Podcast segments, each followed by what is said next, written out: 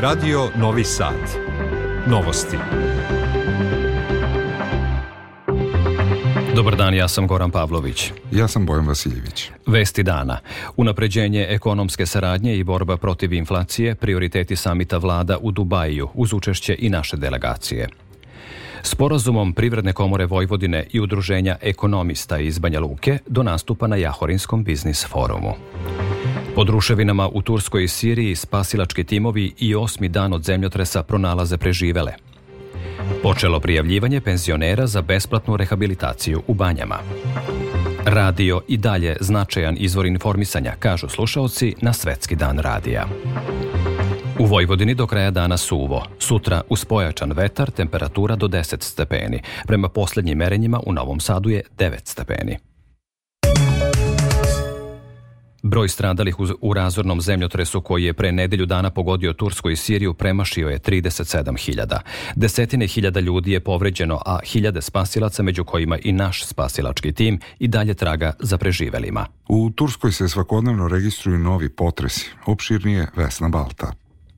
Centralni deo Turske je u manje od četiri dana pogodilo 49 potresa, saopštio je Evropsko-mediteranski seizmološki centar. Tamošnja agencija za upravljanje katastrofama i vanrednim situacijama saopštila je da je u zemljotresu koji je prošlog ponedeljka pogodio tu zemlju život izgubilo više od 31,5 hiljade ljudi, a evakuisano je oko 160 hiljada. Spasilačke ekipe ulažu sve napore da izvuku preživele. U Adijamanu je 178 sati nakon zemljotresa spasena devojčica Mirej. Iz ruševina u Hataju, na ide u maju, izvučena je nakon 175 sati. Spasilačke operacije još nisu završene i ne odustaje se od daljih potraga, kaže ambasador Srbije u Turskoj Zoran Marković. Sad se radi na raščićavanju terena, gde se još uvek traga za eventualno preživelima, što se sporadično još uvek događa da su u džepovima, ruševinama, u tim tunelima koji su stvoreni usled slaganja zgrada i da su neki spratovi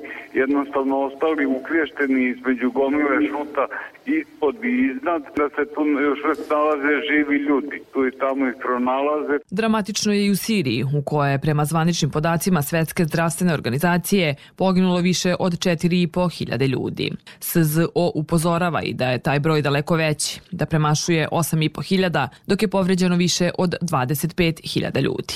Sirijski ambasador u Srbiji Basem Džaman Aga kaže za RTS da je nade nakon zemljotresa sve manje, navodeći da ima mnogo poginulih i povređenih. Ističe da zbog zapadnih sankcija sirijska ambasada nije u mogućnosti da otvori namenski račun za primanje novčane pomoći.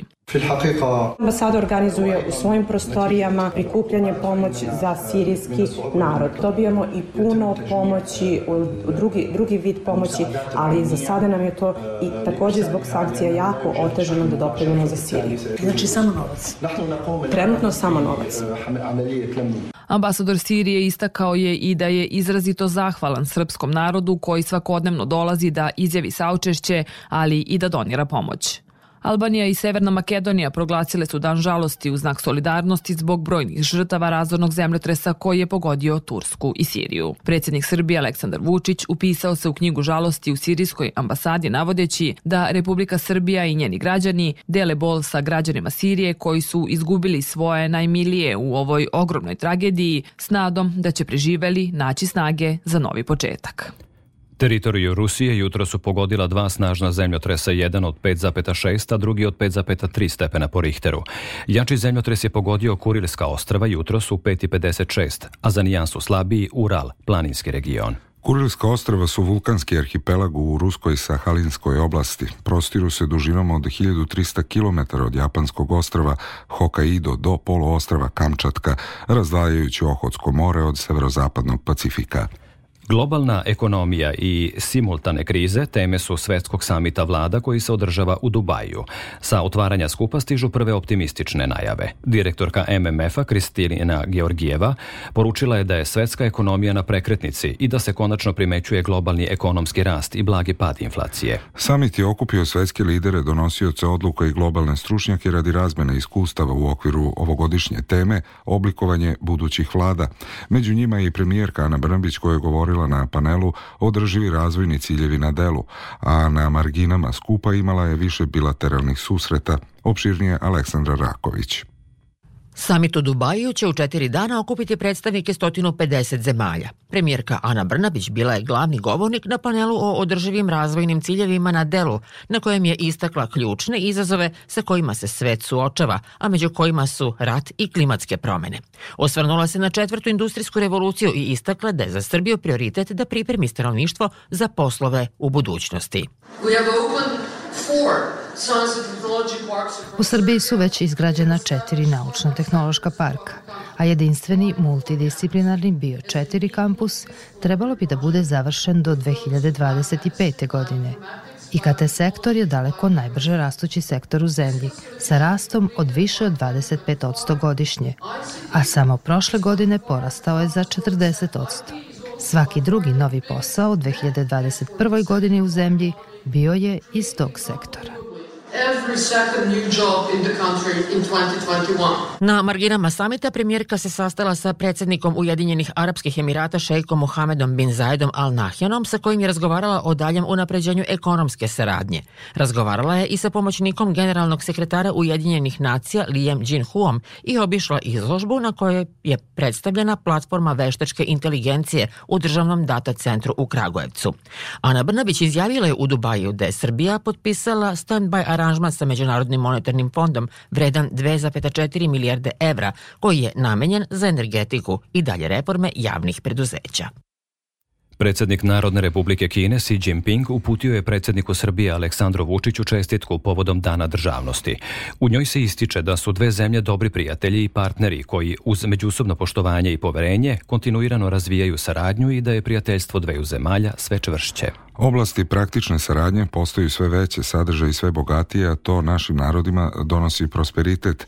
Zajedno radimo na očuvanju međunarodne pravde, odbrani međunarodnog prava i osnovnih principa međunarodnih odnosa i aktivno odgovaramo na istorijske promene u svetu, napisao je predsjednik Si Vučiću i je čestitku uručila ambasadorka Kine u Srbiji Chen Bo.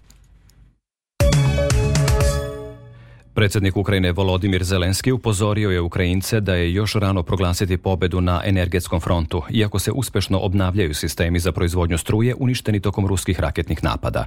Poljski predsednik Andrzej Duda izjavio je da je Kijevu hitno potrebno zapadno oružje. Najteže borbe na ukrajinskom ratištu vode se kod Bahmuta i Zaporožja. U najnovijem izveštaju generalštaba ukrajinske vojske navodi se da su borbene jedinice odbile napade ruskih trupa u Harkovskoj, Luganskoj, Donjeckoj i Zaporoškoj oblasti. Zpoljno obaveštajna služba Rusije saopštila je da američka vojska obučava islamiste za napade na mete u Rusiji i drugim zemljama nekadašnjeg Sovjetskog saveza. S druge strane, američka ambasada u Moskvi navela je da državljani Sjedinjenih država koji borave ili putuju u Rusiju treba odmah da napuste tu zemlju zbog rizika od nezakonitog pritvaranja. Od ostalih vesti iz sveta za novosti još izdvajamo. Pentagon je saopštio da je borbeni avion F-16 oborio u nedelju neidentifikovani objekat iznad jezera Huron u američkoj državi Michigan na granici sa Kanadom. To je bio četvrti objekat oboren iznad Severne Amerike u poslednjih nedelju dana. Veliki balon za koji je Peking priznao da pripada Kini oboren je kod obale Južne Karoline 4. februara. S druge strane, Kina je saopštila da su američki baloni na velikim visinama leteli iznad kineskog vazdušnog prostora bez dozvole 11 12 puta od početka januara 2022. godine.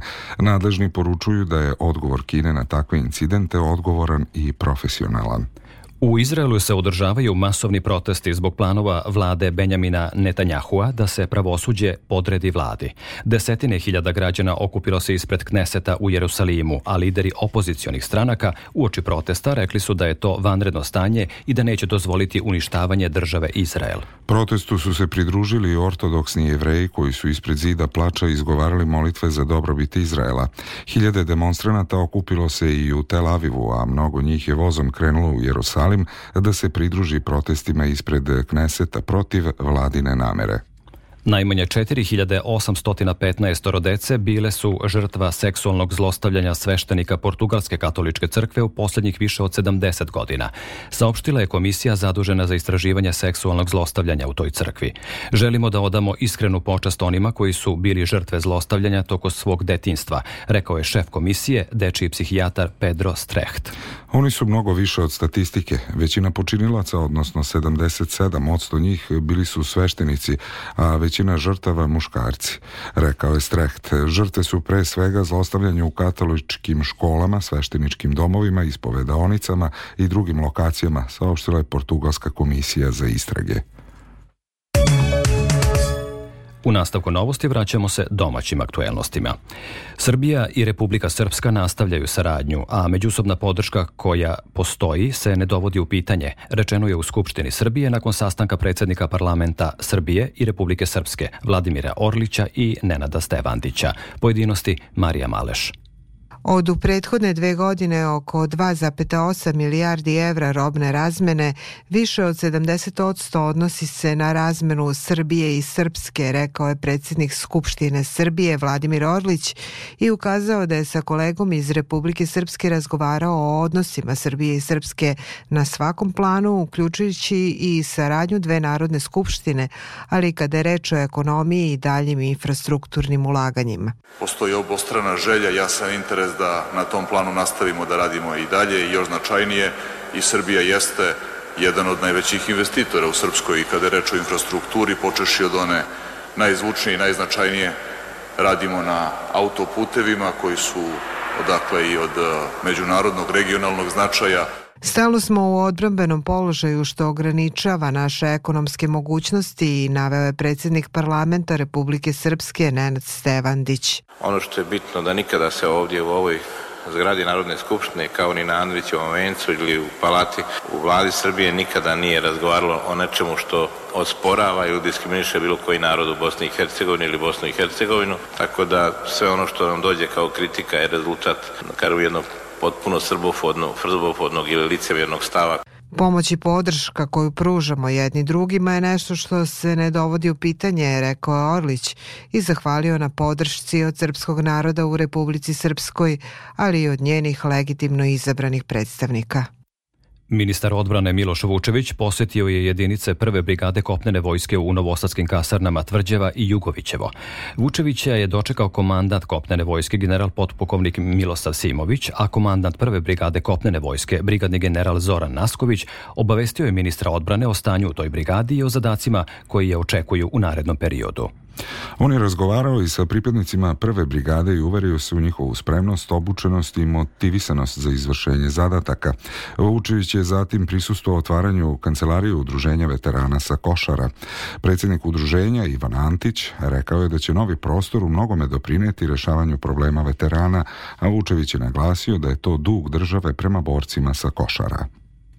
Ogroman značaj su ove prostorije, posebno zato što se nalaze u centru grada, Ja sam se 2019. godine iz Koske Mitrovice do, doselio u Novi Sad i nisam imao ovu vrstu pomoći.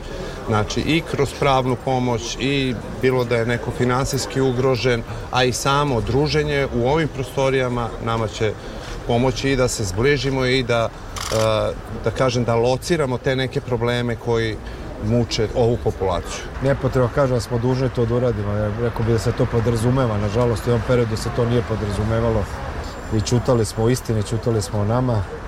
Danas je situacija u Srbiji svakako drugačija, pre svega od 2012. Danas se ne stidimo ni naših veterana, ni heroja, ni boraca, ni ovo nije nikakva militarizacija ili ne znam demonstracija.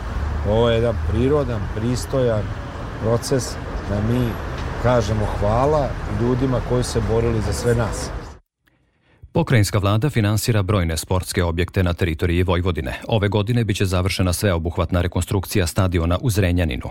Za nekoliko dana počeće izgradnja sportske hale u Novom Kneževcu, a u prvoj polovini godine počeće i radovi na izgradnji sportske sale u dvorištu Gimnazije Laza Kostić na Telepu. To je najavio predsjednik pokrajinske vlade Igor Mirović. On je obilazeći radove na sportskoj hali u Inđiji najavio i da će e, i taj objekat biti u funkciji do kraja godine. Imamo uzorne sportske kolektive, ali imamo i naravno decu, omladinu, rekreativce koji će koristiti ovu sportsku halu u budućnosti. Kratko smo se konsultovali sa izvođačem radova, beogradskom firmom Concord West, koja je preuzela na sebe da do kraja godine završi ovaj objekat. Vrednost radova je 680 miliona dinara. Verujem da ćemo uspeti da ovako izuzetan sportski objekat stavimo u funkciju do kraja godine. Privredna komora Vojvodine potpisala je sporazum o partnerstvu sa Udruženjem ekonomista Ekonomski forum iz Banja Luke o učešću na Jahori na Ekonomskom forumu 2023. Teme ovogodišnjeg skupa na kojem se očekuju i vojvođanski privrednici biće regionalne integracije, inflacija, cene nekretnina i energetika, pripremila Branka Dragović-Savić. Privredna komora Vojvodine pruža institucionalnu podršku Jahorinskom biznis forumu, jer smatramo da je važno da na njemu učestvuju i naši privrednici, kazao je predsednik pokrajinske komore Boško Vučurević. Nama su u interesu ekonomska saradnja. Ove godine imamo gotovo 30% veći promet nego što je to bilo prošle godine. Republika Srbija ima promet sa Bosnom negde oko 3 milijarde i 200 miliona evra. Od toga je izvoz preko 2 milijarde evra. Od tog prometa je izvoz iz autonome pokrajine Vojvodine negde na nivou od milijardu evra. Predsednik Udruženja ekonomista, Ekonomski forum iz Banja Luke, Goran Račić, rekao je da je u pitanju najveći poslovni događaj u Bosni i Hercegovini. Ove godine imamo za temu regionalne integracije Bosna i Hercegovina, Zapadni Balkan i ili Otvorni Balkan. Tu će biti i mnoge druge teme, pitanje inflacije koja trese cijeli ovaj region, pitanje nekretnina i rasta cijena nekretnina, da šta možemo očekivati u regionu. Teme kao što je poljoprivreda, zelena tranzicija i one teme koje su i ranijih godina bile veoma aktuelna, to je pitanje energetike. Ovogodišnji Jahorina ekonomski forum održava se 26. i 27. aprila i okupiće privredne i političke predstavnike zemalja regiona. Republički fond PIO objavio je poziv za penzionere da se prijave za besplatnu rehabilitaciju u banjama, a prijave su otvorene do 2. marta. Mogućnost da se prijave imaju svi korisnici starosne, prevremene starosne, invalidske i porodične penzije kojima je prebivalište u Srbiji, a kojima je visina penzije do 37.809 dinara, kaže Aleksandar Milošević, zamenik direktora fonda PIO. Prijave se podnose udruženjima penzionera. Prijavljivanje za banje može da se obavi i u najbližoj filijali PIO fonda. Od dokumentacije je potreban ček od penzije, popunjena prijava i eventualno medicinska dokumentacija ukoliko je penzioner posjeduje, s tim što je potrebno naglasiti da medicinska dokumentacija ne ulazi u, u bodovanje, već isključivo služi da bi odredili u koju banju bi penzioner mogao da bude poslat. Prijava traje do 2. marta. U Kulturnom centru Vojvodine Miloš Crnjanski u Novom Sadu predstavljena su najnovija izdanja te institucije. Monografija Veliki kanal Đeze Bordaša objavljena je povodom 220 godina od otvaranja prve plovne saobraćajnice u današnjoj Bačkoj, a zbirkom pesama Pamćenje vode Katalin Ladik, koju je sa mađarskog prevela Draginja Ramadanski, e, promoviše se interkulturalni dijalog kao osobenost vojvođanske regije, rekao je direktor kulturnog centra Nenad Šaponja. Veliki kanal, njega o revoluciji, u melioraciji, u Bačkoj, šta je sve se desilo sa velikim kanalom, koliko se promenila zemlja zahvaljujući napretku nečega. Nama je to danas normalno, u stvari kad pogledamo kako je bilo pre toga, vidimo da nije bilo baš lako. Pamćenje vode, naše poznate novosadske pesnike, jedna knjiga koja će, čini mi se, biti još jedna cigla u zidu kulture Novog Sada. Uprkos neprekidnom razvoju tehnologije, radio ostaje jedan od najznačajnijih medija u našem i svetskom informacionom sistemu. Osim što doprinosi obrazovnom, kulturnom i političkom razvoju, on pomaže građanima u različitim životnim situacijama, poručuju stručnjaci. Stoga se u znak sećanja na 1946. godinu, kada je prvi put emitovan program Radija Ujedinjenih nacija, obeležava Svetski dan radija, medija koji je u digitalnom dobu doživeo transformaciju, ostajući među značajnijim i prisutnijim, beleži Maja Stojanac. Dostupnost ostalih elektronskih medija i takozvani digitalni način života nisu promenili naviku slušanja radija, poručuju naši sugrađani. Slušam i to u situacijama kada sam u vožnji, najčešće sportske vesti. Najviše muziku, e pa ako me nekad nešto zanima su to vesti ili neka vremenska prognoza za šta, ali uglavnom zbog muzike najviše. Više informacija čujem na radiju nego na televiziji. Mislim da je važan zbog informacija. Radio se na različite načine prilagođava potrebama vremena i slušalaca, kaže producentkinja radijski programa u RTV-u Goranka Jednak Maksimović. Možemo govoriti i o korisnicima programa, dodaje ona. tu onda možemo govoriti i o podcastu u smislu audio podcasta. Vizualni radio je ono što već uveliko radimo. Idemo ka tome da radio ne izgubi svoju osnovnu karakteristiku, a to je da može da omogući zamišljanje izraženu imaginaciju, da mogu da zamišljaju stvari. Vožnja, trening, kućni poslovi ili različite vrste transporta samo su neke od situacija u kojima se radio najčešće sluša, ukazuje jednak Maksimović. Dodajući da mogućnost odloženog slušanja određenih sadržaja čini da radio u životima slušalaca bude još prisutniji i aktuelniji. Radio je i zabav. Radio je onaj koji budi emocije, donosi dobro jutro. Radio u budućnosti kao audio sadržaj sadržaj biće prisutan na pametnom satu, u Ray-Ban naočarama. Biće svugde oko nas. Bez obzira na način na koji pratimo radio, naglašava sagovornica, on ostaje kreativan, precizan, autentičan i sadržajan. Posle kratke i teške bolesti u 62. godini preminula je koleginica Julijana Bovđiš, dugogodišnja radnica RTV-a. Radila je kao novinarka, pre svega u informativnoj rubrici. 1996. prelazi u slovačku redakciju televizije Novi Sad. Radila je kao urednica dnevnog informativnog bloka, moderatorka, uređivala emisije Duhovka, Spektrum, kao i brojne druge. Uvijek je bila voljna da pomogne mladim kolegama, savetuje i podučava. Pamtit ćemo njen optimizam i vedrinu. Sahrana je sutra, 14. februara u 14 časova na groblju u Bačkom Petrovcu. U 67. godini napustio nas je kolega Dragan Pešić, dugogodišnji radnik RTV-a u penziji. Bio je zaposlen kao tehničar u servisu televizije od 1980. sve do odlaska u penziju 2021. Biće upamćen kao vredan i poštovan kolega. Sahrana je sutra, 14. februara 2023. godine u 15 sati na Novom groblju u Novom Sadu. Slušate novosti.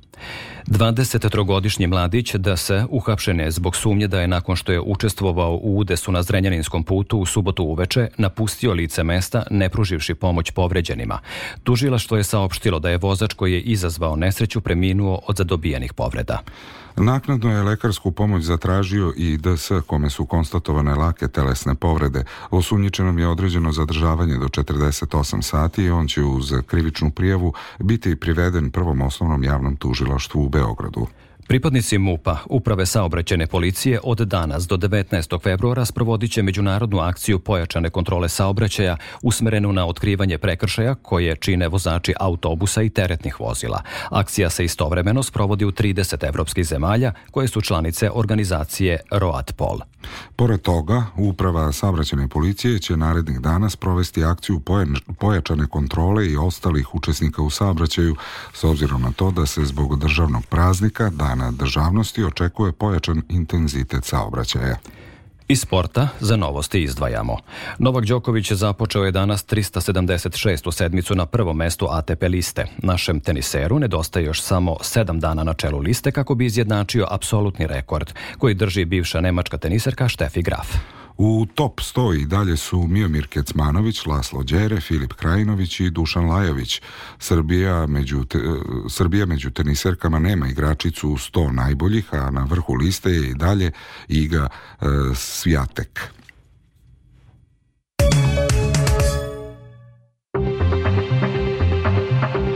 Pred kraj emisije podsjećanje na najvažnije vesti. Unapređenje ekonomske saradnje i borba protiv inflacije, prioriteti samita vlada u Dubaju, uz učešće i naše delegacije. Sporazumom Privredne komore Vojvodine i Udruženja ekonomista iz Banja Luke do nastupa na Jahorinskom biznis forumu. Pod ruševinama u Turskoj i Siriji spasilački timovi i osmi dan od zemljotresa pronalaze preživele. Počelo prijavljivanje penzionera za besplatnu rehabilitaciju u banjama – Radio i dalje značajan izvor informisanja, kažu slušaoci na Svetski dan radija. Prema poslednjim merenjima u Novom Sadu je 9 stepeni. Da čujemo i opširniju prognozu. U Vojvodini utorak ujutru slab mraz. Tokom dana promenjava oblačan sa sunčanim intervalima. Vetar slab umeren severozapadni i severni, pretisak iznad normale. Minimalni jetre temperatura od minus 1 do plus 1, a maksimalne od 7 na jugu Banata do 10 na severu Vojvodine.